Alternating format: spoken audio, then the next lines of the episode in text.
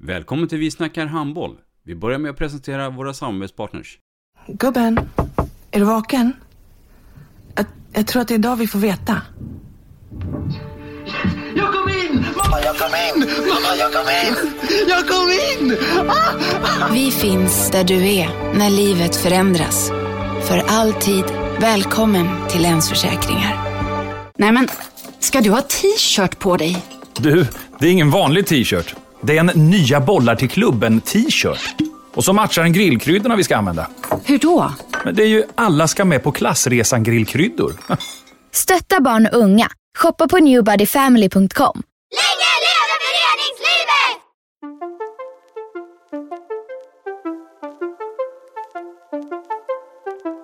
Välkommen säger vi till dig som lyssnar till den nya handbollspodden Vi snackar handboll med Robban Z.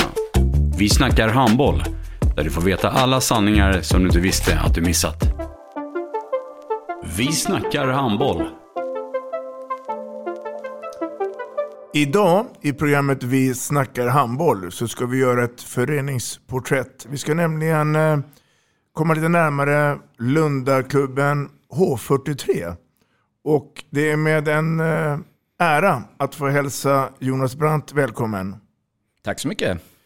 Jaha du, Jonas Brandt. Eh, aktiv ledare i H43. Ska vi göra så att vi börjar med en, en närmare presentation? Vem är Jonas Brandt? Ja du, jag är en eh, kille som är uppväxt i Lund. Uppväxt med handboll naturligtvis. Jag eh, började spela själv i klubben när jag var ungefär sju år gammal.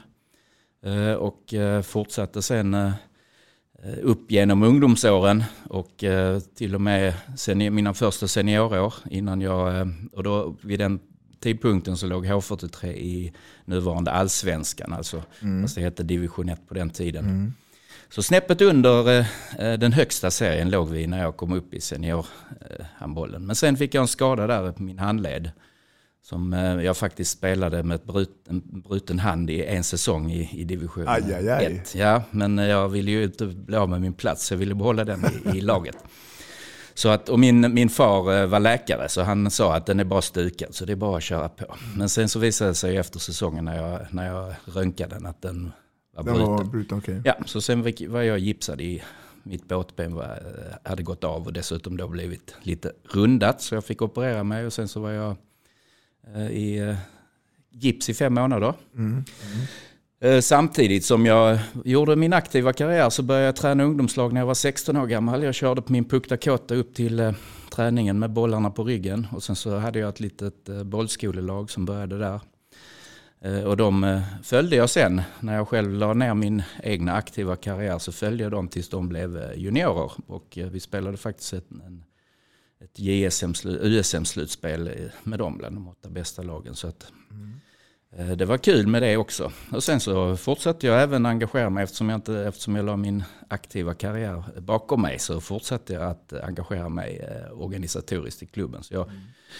jag blev väl invald lite grann i styrelsen som herrsenioransvarig också så småningom. Mm. Och eh, jobbade, jobbade med de bitarna då, och de tränarna som, som var där då. Det var väl, man kan väl kalla det för någon sport, sportsligt ansvarig för herrarna. Mm. Och sen så for, fortsatte jag med det och sen så tog jag, tog jag nya handbollslag i, i klubben som mm. jag följde uppåt genom åren. Och sen så ja, så småningom så flyttade jag till Kina för jobb. Och mm. när jag jobbade i Kina så var jag borta från handbollen i fem och ett halvt år. Och sen när jag kom tillbaka så eh, hade det hänt ganska mycket med, med föreningen och då låg de ju på högsta nivån. Mm. Men ganska snart blev jag engagerad även av den dåvarande ordföranden i, kring, kring framförallt seniorverksamheten mm. då. Och så tog jag också upp min eh, tränarkarriär igen. För då, skulle, då började ju så småningom mina barn också spela handboll. Så att då får man engagera sig i dem också. Om, om vi backar tillbaka lite igen eh, och pratar om Jonas som en liten pojk, eller påg. Eh, studier och det, var det här i Lund det? Förlåt, vad sa du? Studierna, ja. ja. skedde de här i Lund? Jajamensan. Ja, okay. Mm. Och, och, och, var det självklart sen att det skulle bli en inriktning med handbollen eller kunde det blivit någon annan sport? Nej, för mig har det varit eh, handbollen som har gällt. Ja, att, och det är ju egentligen en slump. Jag har, jag har spelat lite pingis, jag har varit med i brottning, jag har spelat Mm. lite volleyboll också. Men, eh, men eh, grannen till mina föräldrar där vi bodde i det radhuset, det var Gösta John Bredberg som sen var ordförande i H43 också. Han hade en jämnårig grabb Mm. till mig så att han frågade om inte jag och grabben skulle tillsammans börja spela handboll. Mm. Det gjorde vi då. Så att det var, det var men sen har jag liksom, handboll är väl det, det har inte varit någon annan idrott för mig. Nej, nej, det är rätt. Ja. Ska vi ta H43 Lund, eh, om du kan hjälpa oss att ta historien, hur allting började, så mycket du vet. Det finns ju en koppling mellan H1 och 43 misstänker jag. Så. Ja, absolut. Jo, nej, men det, jo, men det var så här att det var en, en, en gammal skollärare som hette Yngve Wallmer som eh, grundade eh, föreningen. Och vid den tidpunkten så var det egentligen ett skollag. Det var hans skolklass som, som hade tyckt det var roligt att spela handboll. Så de träffades på ett konditori och eh, drog upp riktlinjerna för en förening. Som, som, och det var ju naturligtvis 1943. Mm. Eh, Och då tog de det ganska ambitiösa namnet som hette Lunds handbollsklubb av år 1943 som då förkortades H43.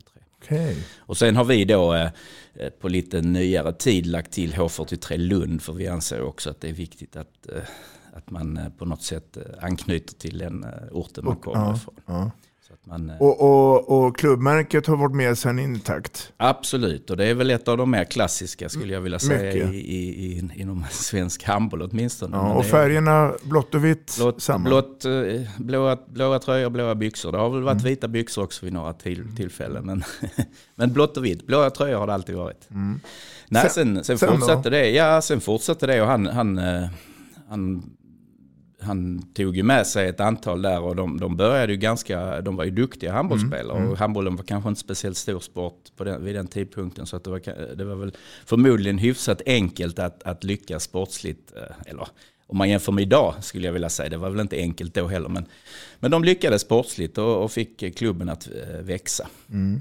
Sen har ju inte jag så mycket eh, kunskap kring de åren därefter. Men Nej, jag vet ju hur, hur, grund, hur, hur Ja. det grundades. Och sen vet jag ju från det att jag började spela och... Ja. eh, Och, och fästet att spela matcherna, är det klassiska idrottshallen? Eller var det andra har- hallar det- tidigare precis. också? Nej, det har väl varit framförallt i idrottshallen Ja. som H43 Lund har spelat. Ja. Och det har ju, där har vi ju mött Lugi många gånger. Mm, Det ju, De här härliga derbyna. Precis. Mm. Och Lugi har ju en historik på Katedralskolans gamla Mm. gymnastiksal också. Men jag Mm. tror, jag vågar inte svara på om H43 har varit där. Det har vi ju till, naturligtvis Mm. till viss del. Men vi har nog inte be- betraktat det som det, som det fästet som kanske, eller eh, fundamentet kanske som, som Lugi har gjort. Utan vi har nog mer eh, betraktat oss som... Var det viktigt tror du på den tiden att man skulle eh, ha handboll både för pojkar och flickor?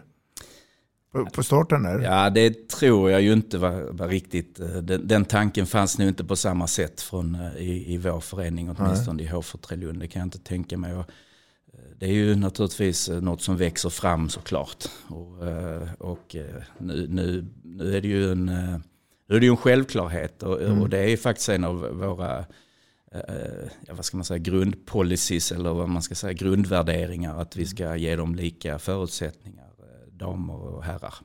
Och eh, just nu är ju, skulle jag vilja säga att eh, tjejhandbollen är större i H43 än vad killhandbollen är. Det skulle, jag tror det är 53% tjejer och, och 47% killar. Ja. Mm. Och så var det inte för x antal år sedan. Så var det inte för jag, x antal kommer, år vi kommer sedan. nog kom- komma in i det Ja. eh, under tidens gång här då. Ehm, två klubbar med handboll och stor handboll i samma stad. Finns det plats för det? Jag tänker på H43 och Lugi. Ja, det tycker jag det finns. Och eh, det, finns, eh, det, det finns ju också ett, ett eh, syfte med det, eller vad man ska säga, en, en bieffekt av det. Det är ju naturligtvis att man spårar, sig, spårar varandra. Och att det, det, det sker ju en konkurrenssituation som kan vara spårande i många avseenden. Mm. Sen om du frågar mig om det finns plats för två elitlag i elitserien i Lund så skulle jag svara att det visar ju historiken att det kanske inte fanns, Mm. för det finns ju inte sponsorunderlag och liknande till det. Eh, just, just nu, men sånt, sånt varierar ju över tid och det hänger ju ihop med vilka kontakter man ligger inne med inom de olika klubbledningarna och Mm. så. så att, men men vid, den, vid den tidpunkten när H43 fick lägga ner sin, sin uh, elitverksamhet så, så fanns det inte det, Mm. jag vilja säga. Mm. Men, men att det finns plats för minst två handbollsklubbar. Det finns ju fler handbollsklubbar i Lund. Det finns ju Lundagård också. Som Mm. är, Jag tänkte, jag, jag tänkte precis komma eh, det. Konkurrensen och, och bredden av klubbar runt kärnan Lund finns det gott om. ja. Och det, och det finns ju då alternativ för alla typer av spelare. Om man vill satsa på elit eller om man vill satsa på bredd eller Mm. vad det kan vara. Då. Mm. Ehm, Det är sant. ja. Ehm, vad, vad, vad tycker du eller tror du skiljer sig mellan exempelvis då H43 och Lugis? Jag tänker i själva föreningens grundsyn.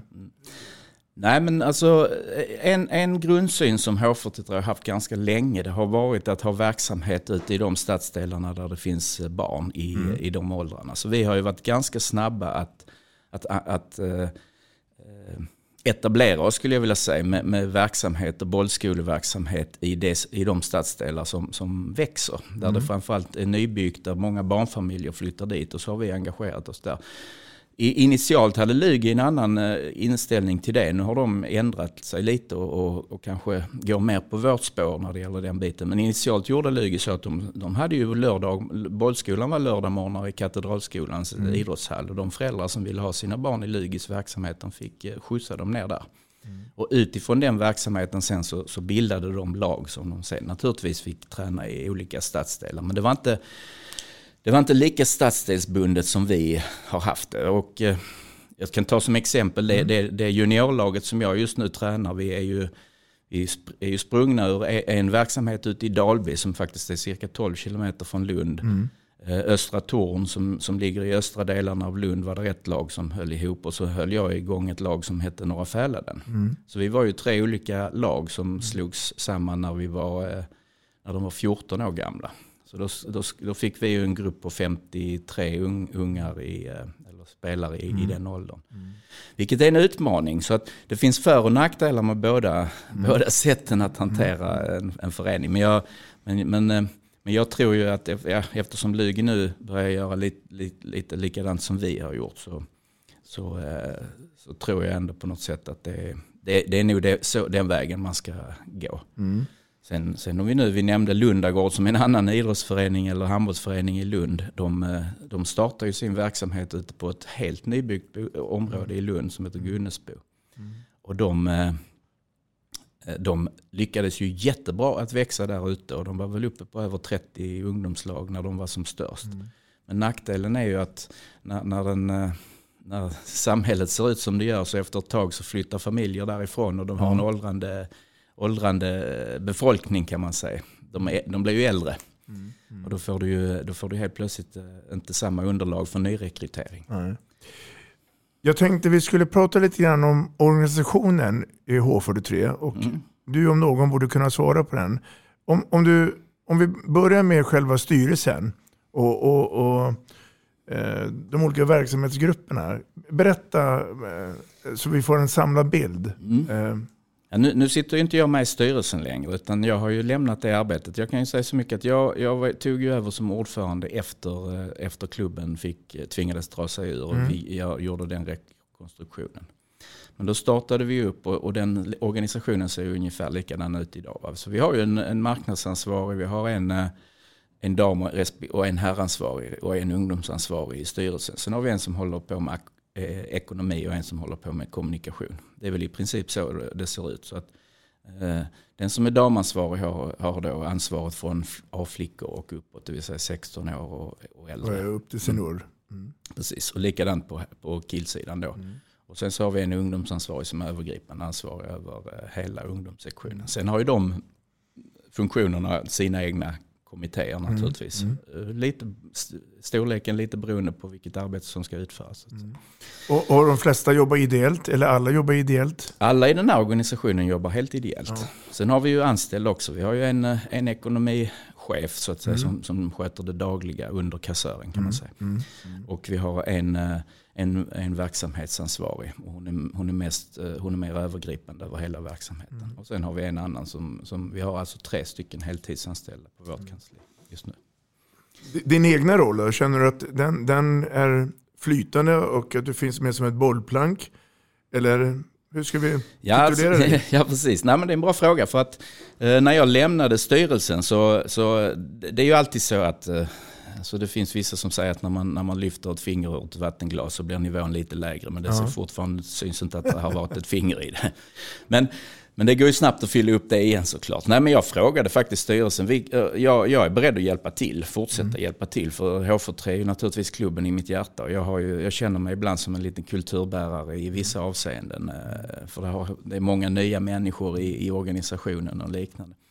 Så att, hur, kan ni, hur kan jag bäst hjälpa till? Och då frågade de mig, ja men du skulle kunna jobba med de sportsliga bitarna inom klubben för du känner eh, många, du har varit med länge. Du, och då sa jag att det kan jag mycket väl göra och i så fall får vi, får vi försöka definiera den rollen tillsammans med de två som faktiskt sitter med i styrelsen, det vill säga dam respektive herransvarig.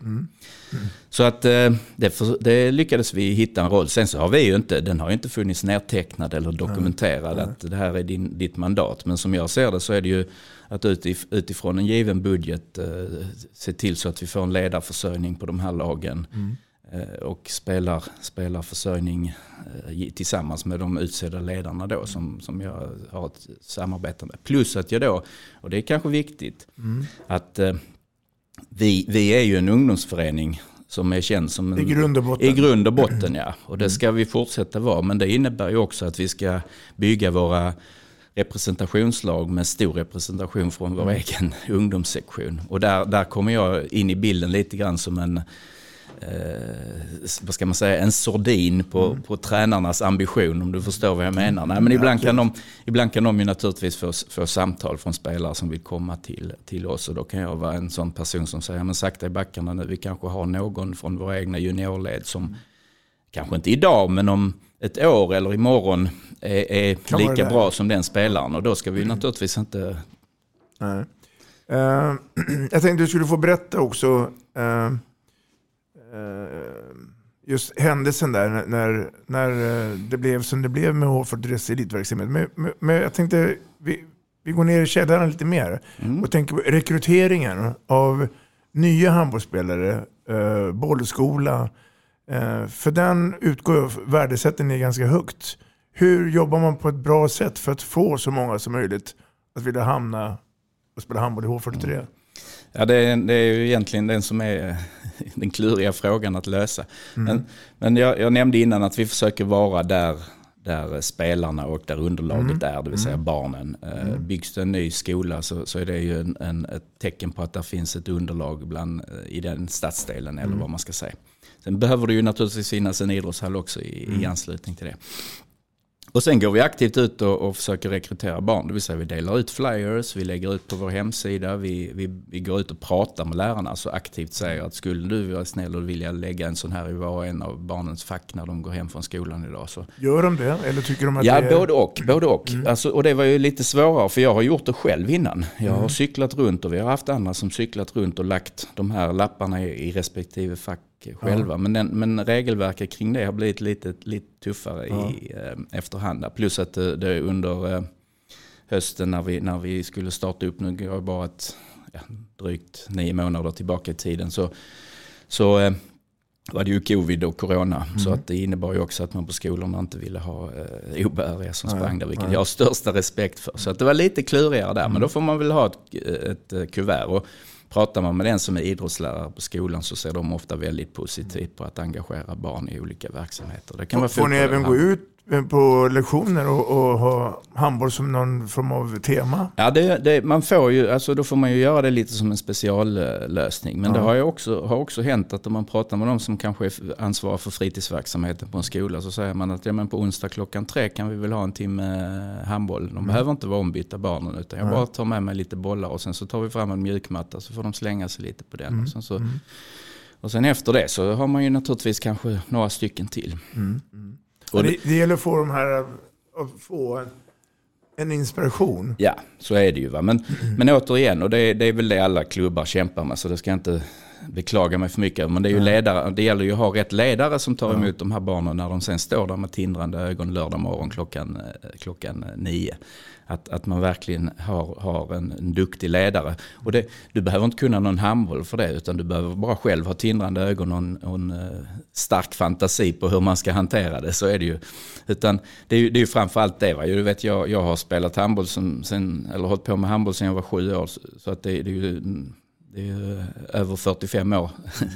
så att, eh, men men eh, när, jag, när jag har hand om en bollskola så är det ju eh, mycket från underhökensvingar kom till hinderbana och ja. sen så ska de få kasta bollar på mig naturligtvis för det brukar de tycka är kul. Men, men när man kommer upp och har ett juniorlag sen så är det en helt annan verksamhet. Det, så är det. Så att, Rekryteringen beror mycket på mm. hur första mottagaren... Och den är viktig också. Den är jätteviktig. Den är jätteviktig. Och så ska du hitta de ledarna som är villiga att göra det. Och det är inte så lätt alltid.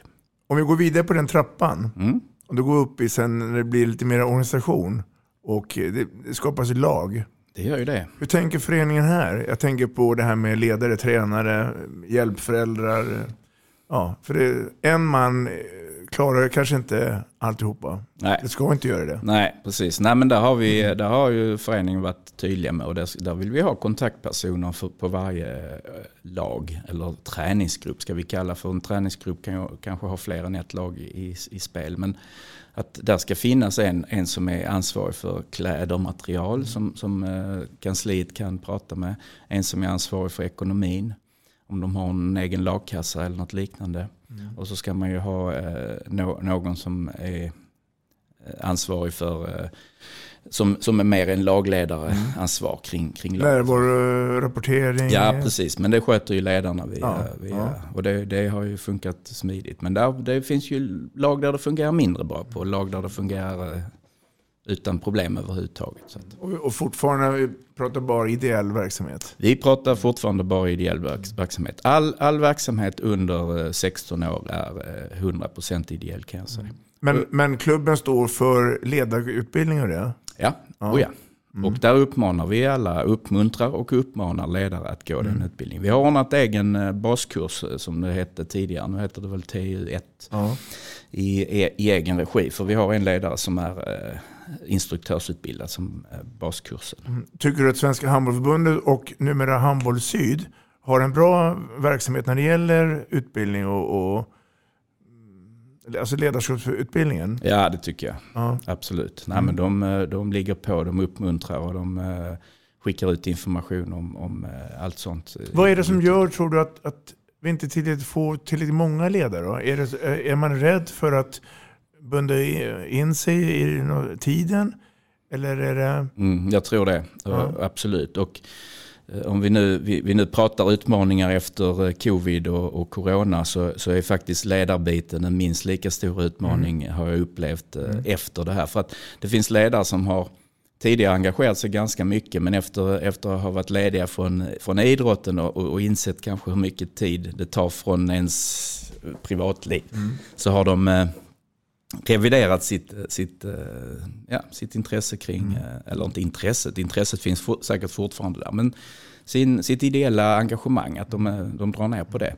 Så vi upplever faktiskt lite grann att det har varit en, tyvärr har varit en, en utmaning även på mm. ledarsidan. Det här snacket och resonemanget med att föräldrar ska träna sin, sina egna barn och det. Um, Köper man det till 100% eller tycker du att, eh, att man ska försöka undvika att ha föräldrar som tränar sina egna barn? Ja, är, nu ställer du ju frågan till mig som själv har tränat mina egna Precis barn. Mm. Nej, men det är, så, att, så, så, här är det. Och det, det har jag alltid sagt att det, generellt ska man inte ha en policy för att de inte ska träna sina egna barn. Man ska ha en inriktning att man ska försöka hitta eh, tränare, framförallt från, jag skulle vilja säga från 16 år. Mm. Eh, och uppåt att, eh, att eh, klubben ska tillsätta tränare som kanske inte har ett direkt engagemang ibland, ibland i, i, i gruppen. Mm. För att inte hamna i olika jävsituationer. Precis, och... men, men sen finns det föräldrar som klarar av det bättre mm. än, än, andra kanske. Mm. Och det, får man, det, det, kan man, man kan inte ha en policy bara rakt av. För det finns ju faktiskt duktiga föräldratränare. man ska, föräldrar är ju grunden i en, i en förening. Alltså att Och sk skulle du helt plötsligt säga till dem att ja, men nu, nu ska, det, ska någon annan ta hand om det, då måste du ju hitta ett, ett engagemang kring, kring mm. någonting annat där de kan sitta.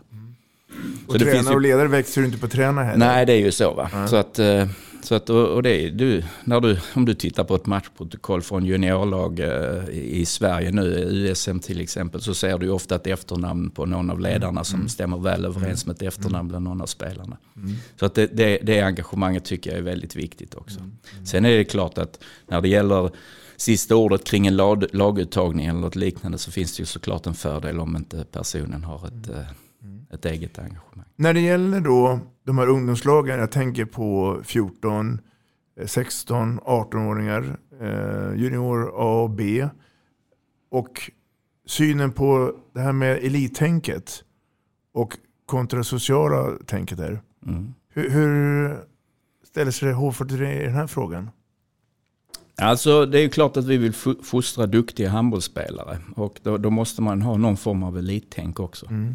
Men samtidigt så ser man ju att alltså, det är, ju, det är oerhört viktigt att de har en social eh, hemvist kring ett, kring ett lag. Att de känner sig trygga, att de känner sig eh, en samhörighet med det helt enkelt. För att annars så lyckas du inte sportsligt heller. Mm. Sen kan jag ju säga bara det året jag nu har verkat som juniorlagstränare så har jag ju sett att bara på, på 8-9 månader så sker det ju stora förändringar inom gruppen. Och det händer ju saker fysiskt och, och mentalt hos, hos spelarna som, som man inte kan förutse. Och det går ju, det går ju upp och ner. Det, det är alltså vissa som, som var jätteduktiga i, i september har kanske en svacka lite senare. Plus att de som kanske inte var så duktiga i september, de har växt in i det nu. Så att man måste ha en, och det, det, det faktiskt slår mig hur, hur mycket det har varit denna säsongen med, med olika individer. Mm. Och då är det ju viktigt att de har en tillhörighet, att de, att de kanske om de nu skulle få en svacka, att de känner ändå en social tillhörighet eh, och att, en glädje med sin idrott så att de kommer dit ändå. Men, men äh, äh, när, när det gäller nu då de här USM-tävlingarna äh, och, och, och, någon skulle, tränaren skulle ringa till dig och, och fråga, får vi gå med absolut det bästa? eller ska vi tänka något annorlunda? Vad, vad skulle ditt råd vara då? Eh, om vi pratar 16 år och 18 år så, så får de lov att gå eh, med, med sitt bästa lag. Ja. Mm. Mm. Det har vi sagt. Men det, det, står också, vi har faktiskt en nedtecknad policy att eh, e, sträva efter att i steg 1 till 3 eh, ge alla så likvärdig speltid som möjligt. Händer det att ni anmäler två lag i USM, alltså per klass, för oh ja. att det är så många? Oh ja. Ja. Absolut, som till exempel mitt eget gäng som jag, som jag nämnde som mm. var vi gick ju till finalspel med två lag eh, när de var 14 år mm. gamla. Mm. Och då hade vi delat, då var vi 42 spelare som åkte upp till eh, Uppsala mm. och spelade där. Mm. Och så blev vi femma och sexa. Mm. Vilket, eh, vilket vi såg som en framgång. Ja. Och då, hade det blivit annorlunda om du, om du hade gjort ett, ett jätte, jättebra lag? Ja, när man, när man ser andra lag som spelade där så, så spelade de kanske med åtta sju, åtta spelare, framförallt ja. i de avgörande mm. matcherna där. Och det, det, tyckte vi kanske när de är 14 år gamla. Där hade vi ju som ledare pratat oss samman att mm. vi får inte frestas av att nå sportslig framgång Nej. för det här ska vara en upplevelse för de här killarna. Men däremot hade vi gått till steg, steg eh, fem nu med mina 18-åringar. Mm. Så, så är jag ju helt övertygad om att det hade haft en annan filosofi, vilket också spelarna förväntar sig att man ska ha. Och över tid så gäller det att hålla, hålla i och hålla ihop de här ungdomarna för det är inte, de ska inte vara som bäst när de är 17, 18, 19 utan gärna över 23, 24 och äldre. Ja, så säger vi ju. Och eh, det är, det är ju lätt att säga och det är fina ord. Men, sen, men, men det är jättesvårt för en 17-18-åring att förstå det. Ja. För, att, för att tre månaders tid är väldigt lång tid för dem. Mm. Medan vi, vi som är lite äldre har kanske ett annat perspektiv på det hela. Och det, det, det, det är, en, det är en... Eh, ja. Vi ska också komma ihåg det eh, och slå det för bröstet och alla andra där. Men du var inne på det att H43 ska ju vara en ungdomsförening, eh, också med lite bred marginal. Men historiskt har, har ni producerat otroligt mycket duktiga spelare som har gått vidare. Mm. Eh, de kanske inte har valt att stanna kvar och spela seniorhandboll utan har valt tidigare då. Det är ju också en framgång. Ja det är det. Det får man ju säga. Du får inte glömma det. Nej, det, jag håller jag med misstänker dig. att med dig, eh, Rob. när man lyssnar på Radiosporten eller TV-sporten och så säger man Kalle Kula, han har moderklubb H43. Mm. Att det blir någonting ändå Ja, ja, som man tar alltså, till sig. absolut. Och när vi hade både Palicka och, och Alfred Jönsson med i, i landslagstruppen så var, var det inte många andra klubbar som hade två spelare från, som, som hade moderklubb H43 i, i, i, de, i de sammanhangen. va. Så att det, det är klart att det är kul och det, Mm. det uppmärksammas ju också tycker jag. Sen, sen så kan man ju ibland bli lite frustrerad över varför har vi inte lyckats bättre med, med vår seniorverksamhet med det. Men det finns ju faktiskt ganska goda skäl och det är, det är inte så enkelt att ligga i division 2 och, eh, och få de största talangerna att, att, Att stanna kvar. att stanna kvar. Nej. Och folk Utan har lite bråttom. De har lite bråttom tycker jag. Men samtidigt så ska vi ju aldrig... eh, Men ska man sätta in lagar och regler då? Att eh, man får inte gå hur som helst och när som helst? Eller, eller är det bara att gilla läget, så här är det? Ja, det är nog bara att gilla läget, så här är det. Sen kan jag ju tycka, alltså som, som, som föreningsmänniska, ursäkta, så kan jag tycka att ibland är det lite enkelt att, att, eh, att gå till andra klubbar. Och andra klubbar tar emot spelare lite för lättvindigt kanske. Vilket jag tror gör att vi tappar en del handbollsspelare som kanske inte som är väldigt kompetenta, duktiga spelare men de når inte ända fram till den elitverksamheten och då, där, eh, dit de söker sig. Och då är ju alternativet för dem att sluta, vilket är, är synd. För att det är ju sällan man får, eh, får en, en spelare som går tillbaka och tar ett steg tillbaka. Utan de, når de inte dit de siktar så, eh, så är ju ofta, inom den tiden också som de, som de vill, så är ju ofta alternativet att sluta. Och det kan jag tycka är synd.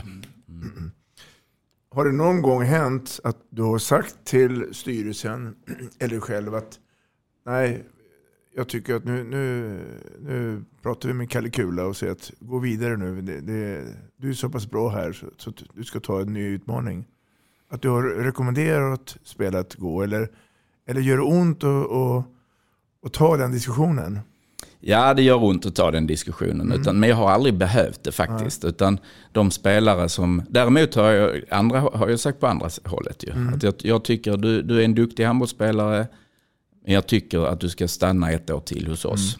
Och därefter så eh, göra en ny utvärdering av vad, vad som passar dig. För jag tror att du fortfarande har utvecklingsmöjligheter hos oss. Och, och, och valet och beslutet, ja, det gör, tar ju individen. Absolut. Och vi har ju också sagt att vi, eh, vi sätter inga käppar i hjulet för någon. Det, det kunde man ju göra förr i tiden, nu kan man ju inte det heller. Det, det, men det är inte heller vår policy. Utan har vi väl, har vi väl eh, ett beslut från spelarna att nej, men jag vill göra denna satsningen i, i en elitförening. Då, då ska vi dunka dem i ryggen och säga lycka till. Och sen ska vi hälsa på dem på träningarna och fråga hur det är med dem och så. Det är, det är ju en del av...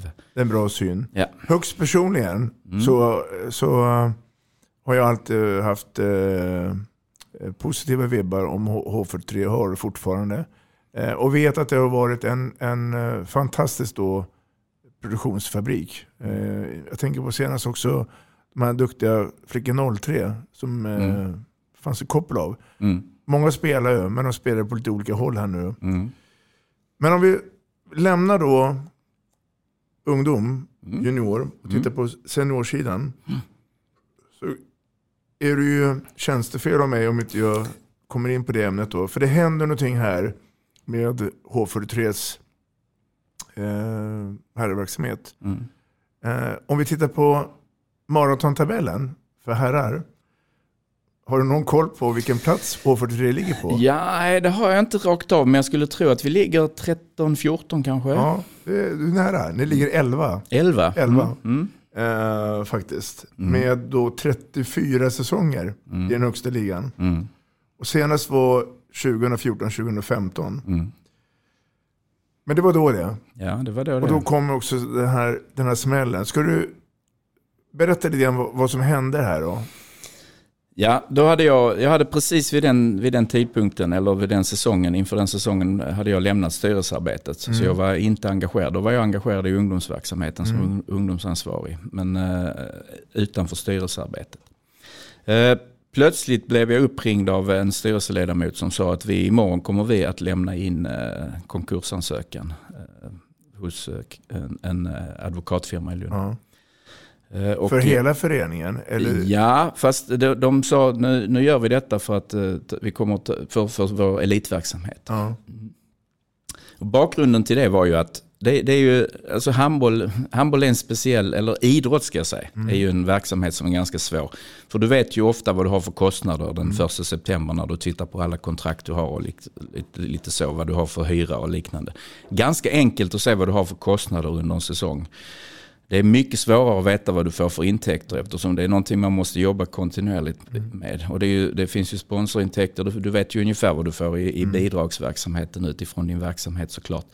Eller bidrag från, från, eh, från eh, stat och kommun. Men du har ju betydligt svårare att, att, eh, att eh, veta hur mycket sponsorintäkter du fick. Så den budgeten de la var ju, baserades ju på att de skulle få ett visst antal sponsorintäkter. Men det fick de ju inte. Nej. Och då insåg de redan i, eh, ja det här var ju i eh, november, december tror jag. Då insåg de att vi kommer inte kunna täcka de kostnaderna som vi har eh, committat oss till att ha. Och då eh, ville de inte riskera ungdomsverksamheten som vi hade i den, vid den tidpunkten. Utan då valde, valde styrelsen att dra proppen för seniorverksamheten. Kom det som en blixt? Ja, det gjorde det. Alltså, alla som har jobbat i föreningar vet ju att pengar är en stor, stor fråga på alla styrelsemöten i, i alla avseenden. Så att det har det ju alltid kämpats rätt så mycket med, med eh, intäktssidan framförallt då. Och kostnadssidan såklart. Och eh, att det var tufft, det visste vi. Men eh, att, det skulle, att det skulle vara så här tufft, det hade vi, eh, vi som inte hade insyn i styrelsen. Jag, hade in, jag hade inte Den, den bilden. Nej. Nej. Och det kom ju som en chock, Ja. Mm. överraskning. Eh, vad är det som händer? Bla bla bla. bla, bla, bla. Så de dagarna där efteråt, där, hur, hur var de? Ja, alltså det var, det var ju förfärligt. Och Sydsvenskan eh, ringde mig på kvällen och frågade hur, eh, vad, har du, vad tycker du om detta? Liksom, de de visste ju att eh, jag var en, en av de som kanske var, hade jobbat längst inom föreningen. Och, och jag sa bara att ja, det, det var en fredagkväll tror jag. Att ja, jag ska ha, vi ska ha bollskolor imorgon igen. Va? Men sen, eh, sen så när, efter ett par dagar när, när chocken hade lagt sig så, så fick man ju lite information om, om, eh, där fanns ju en del som var eh, som var välvilligt inställda till detta och som verkligen ville på något sätt göra en, en återstart, en rekonstruktion av detta. Och då, då var vi ett gäng som, som satte ihop en interimstyrelse. Mm. Och sen satte vi igång och kavlade upp ärmarna och började jobba. Vi, träff, vi mötte kommunen, vi mötte lite sponsorer, vi mötte ledarna. Vi, vi, eh, vi eh, förstod ju att de som var anställda på kansliet, de gick ju på lönegaranti. Men vi hade, ju, vi hade alltså 50, 55 lag tror jag vi hade i, i seriespel vid den tidpunkten. Vi hade tre anställda, vi hade noll kronor på kontot. Så att det var ju en ganska, och ett kansli som kostade då hyra från Per månad, per månad. Men, men där fanns ju då folk som, som, som insåg att det här är inte, det här är ingen önskvärd situation på något sätt. Och det var de flesta, de flesta insåg ju att eh, vi, måste, vi måste fortsätta detta på något sätt. Så då gjorde vi det. Eh, Men det var ju en ganska tuff period kan jag säga. Vad, vad fick du för eh, respons gentemot näringslivet där? då? Hade man en förs- förståelse där? Eller, eller tyckte man att det här har ni skött dåligt? Eller Ja, men eh, ja, det, det, det är klart att det fanns både och. Eh, Och det fanns ju, det fanns ju de inom näringslivet som, eh, det fanns ju privata intressenter som faktiskt förlorade en hel del pengar själva på detta. Som hade naturligtvis gått i borgen för liknande eh, för saker. Va? För att som idrottsförening så är det inte så lätt att få krediter hos eh, banker och liknande. Utan då måste du ha någon som, som borgar för det. Eh, Så att det fanns ju folk, men de var ju, de eh, tyckte ju fortfarande att vi skulle köra vidare. Och, och vi hade ju näringslivsrepresentanter som ganska snart hörde av sig och gick in och hjälpte oss och köp, köpte loss klubbmärke och tröjor. För det fanns ju egentligen i, i ett, hos, en, hos en konkursförvaltare. Men, men man ska säga så här att det fanns inga, det fanns knappt no, några skulder i föreningen vid den tidpunkten eh, när, det, när de begärde sig i konkurs. Däremot fanns det avtal som man hade tecknat sig mot som man insåg att man inte skulle kunna betala. Så det är också en form av skuld, men den ligger ju of, ofta i framtiden. Vilket också gjorde att vi kunde säga till, eller alla spelarna var ju fria att, att eh, lämna. lämna. Jag kan förstå att det är jobbigt och tråkigt att, att prata om det. Och det, det, eh, så är det ju. Mm. Eh, idag är vi ju 2022. då pratas det inte så mycket konkurs. Utan då pratas det förmodligen en massa nya möjligheter. Det finns ju soliga dagar också. Absolut, absolut. Det vimlar av dem. Ja, det Mm. är helt rätt. Då. Men vägen sen tillbaka då, då när, när, ni, när ni kände att vi, vi, vi är på stabil mark, eh, sakta men säkert då framåt då. Mm. Hur, hur, hur togs man emot det? Både internt och externt? Ja, det togs ju emot uh, jättepositivt. Och vi, vi, man märker ju också att det är inte, det, var- vi var ju inte bara en styrelse som vid den tidpunkten kavlade upp ärmarna. Utan jag skulle vilja säga att alla ungdomsledare som var engagerade vid den tidpunkten, de gjorde, drog sitt strå till stacken och, och fortsatte en verksamhet och, och, och hjälpte åt, eh, hjälp, hjälptes åt helt enkelt. Det måste man göra. Och det, på något sätt kan man kan man ju säga att det, det, det är ju, en sån händelse gör ju också att man enas kring någonting och att man eh, kanske går starkare ur det emellanåt. Förutom att vi då naturligtvis inte hade några representationslag. Men jag kan säga att det första året så hade jag överhuvudtaget ingen tanke på några seniorlag. Det, det viktigaste fokuset för mig var att rädda eh, vår ungdomsverksamhet och se till så att den fortskred. Liksom. Och, eh, men så många välvilliga människor och kommunen som sagt och, och alla sådana intressenter som eh, hjälpte oss där. Det var ju naturligtvis, eh, det hjälpte ju till att lätta oket. Mm. Och, och eh, grannklubbarna Luger då? Eh, minns du vad de sa? Ja, de höll sig nog, eh, de höll sig eh, nog rätt så, ja, de, de, det var många där som också tyckte det var tråkigt. För att det, som, som vi nämnde tidigare så är det ju på något sätt en, en stimulans att ha en, två stycken föreningar Absolut. som är starka i, i en stad. Va, som, som kivas lite emellanåt men som samtidigt eh, vi enas ju bakom ett stort intresse för handbollen. Och att, eh, så att det fanns de inom Lugi som, eh, som, som säkert tyckte att det var de kanske tyckte att det var, var synd om oss men samtidigt såg de väl möjligheter för Lugi att kanske bli ännu större. Men det fanns säkert andra inom Lugi som tyckte att det här, var, det här är tråkigt för handbollen och vi behöver, eh, vi behöver eh, vara två stycken stora starka föreningar i, i Lund med, på ungdomssidan. Men, men ja, återigen, mitt fokus var helt och hållet på att försöka eh, fortsätta driva vår förening. Ehm, 2022 är vi nu. Ja. Dagens seniorverksamhet nu då. Mm. Ska vi börja med damverksamheten då? Mm. Berätta. Ja, nej, men vi har ju precis, eh, vi har ju denna säsongen kvalificerat sig oss för division 1 och eh, det är vi jättetacksamma för. Och det är ju, på något sätt så är ju, är ju det, vi, det vi pratade om tidigare att, att eh, spelare som, som, de tenderar ju kanske att, att gå mot mer mot elitföreningar tidigt, tidigt om man själv har ett A-lag i division 2. Eller division 3 som vi också har legat i när vi började. Men, eh, men nu så känns det ändå på något sätt som att division 1 är, ett väldigt, är en väldigt bra, eh, en väldigt bra språngbräda uppåt. Eh, blir man en duktig division 1-spelare och kan, så, så kan man också spela i, i SHE, om vi nu tittar på de sidan.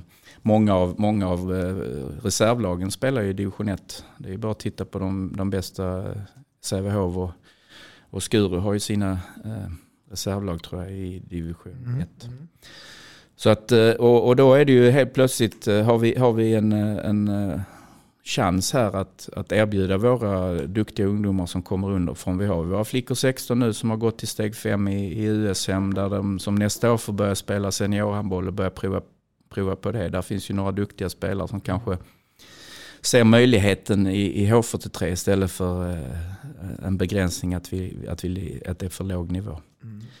Så att, eh, och det har vi ju strävat efter länge, men det är lättare sagt än gjort kan jag säga.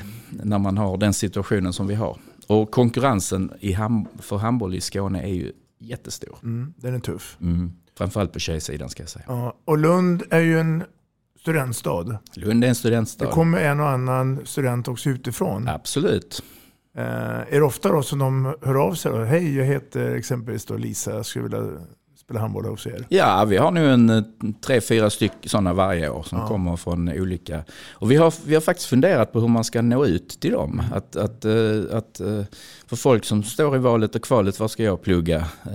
Om jag vill gå vidare, då ska de ju, har, har de fortfarande intresse inom en idrott så, så är ju Lund ett jättebra ställe, mm. handbollsmässigt tänker jag på nu.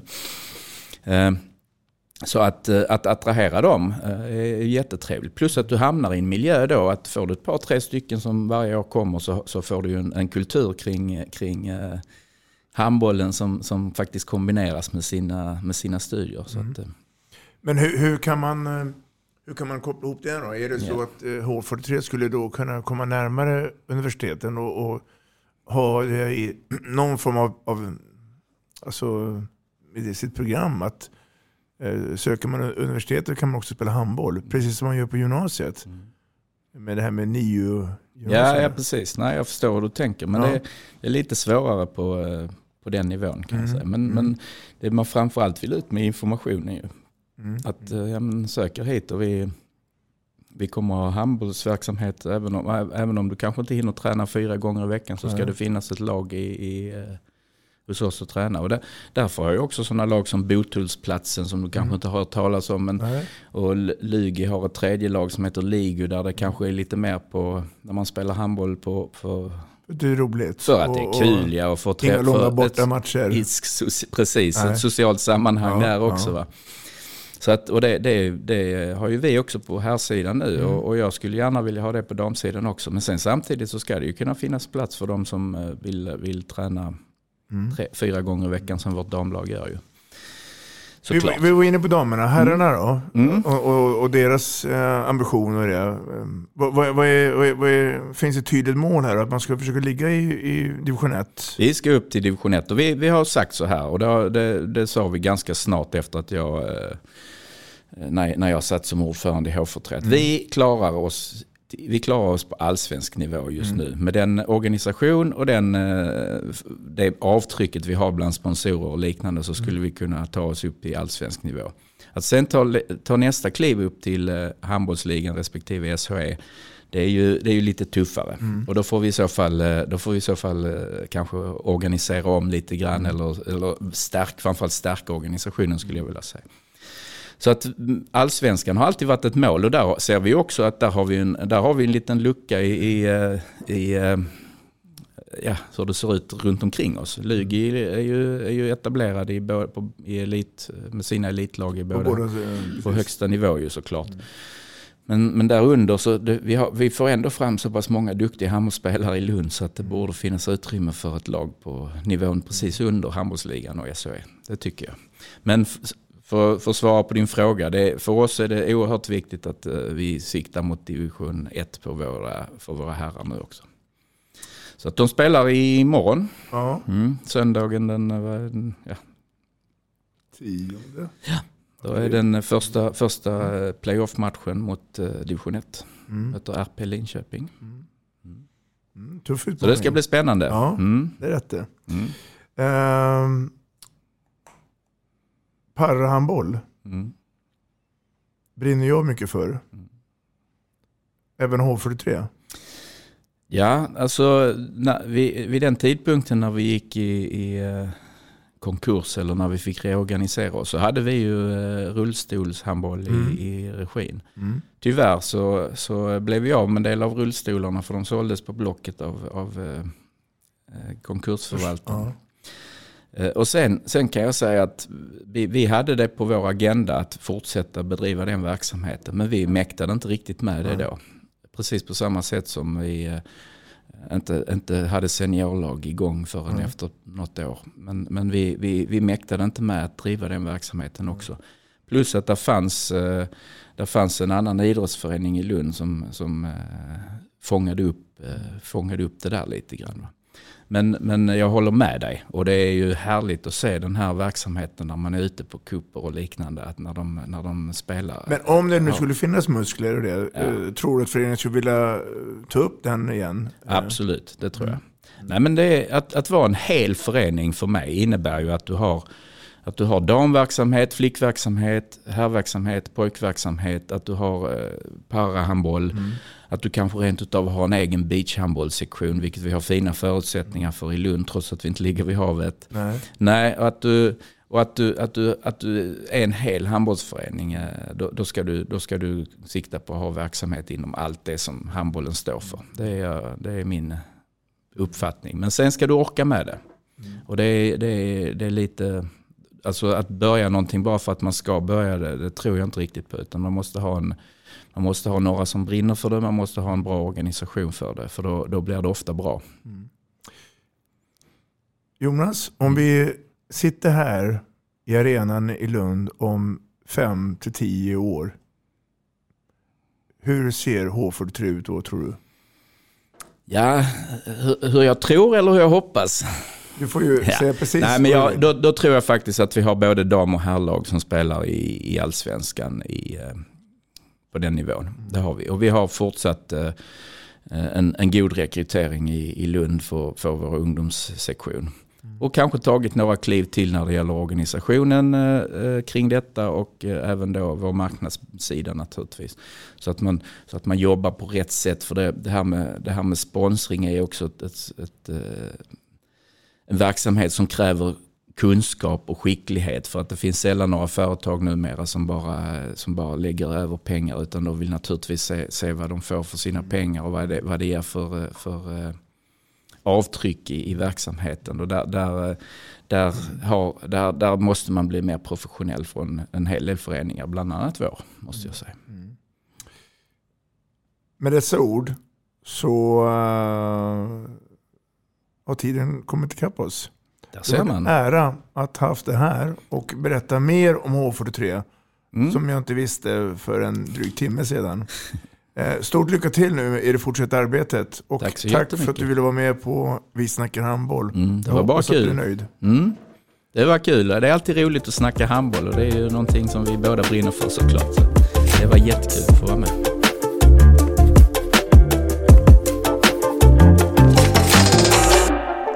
Vi snackar handboll, där du får veta alla sanningar som du inte visste att du missat. Vi snackar handboll. Vi snackar handboll produceras av produktionsbolaget High On Experience, från vision till passion. Ett avslutande tack till våra samarbetspartners. Hallå! Kommer ni eller? Ja, ja. Har du sett mina ankelsockar? De här? Nej, nej, jag menar skridskoslip till juniorlaget Ankelsockarna. Ja, men kolla bredvid träningsläger med handbollstjejerna-t-shirtarna. Stötta barn och unga. Shoppa på newbodyfamily.com. Länge leve föreningslivet! Gubben, är du vaken? Jag, jag tror att det är idag vi får veta. Jag kom in! Mamma, jag kom in! Mamma, jag kom in! Jag kom in! Ah! Vi finns där du är när livet förändras. För alltid välkommen till Länsförsäkringar.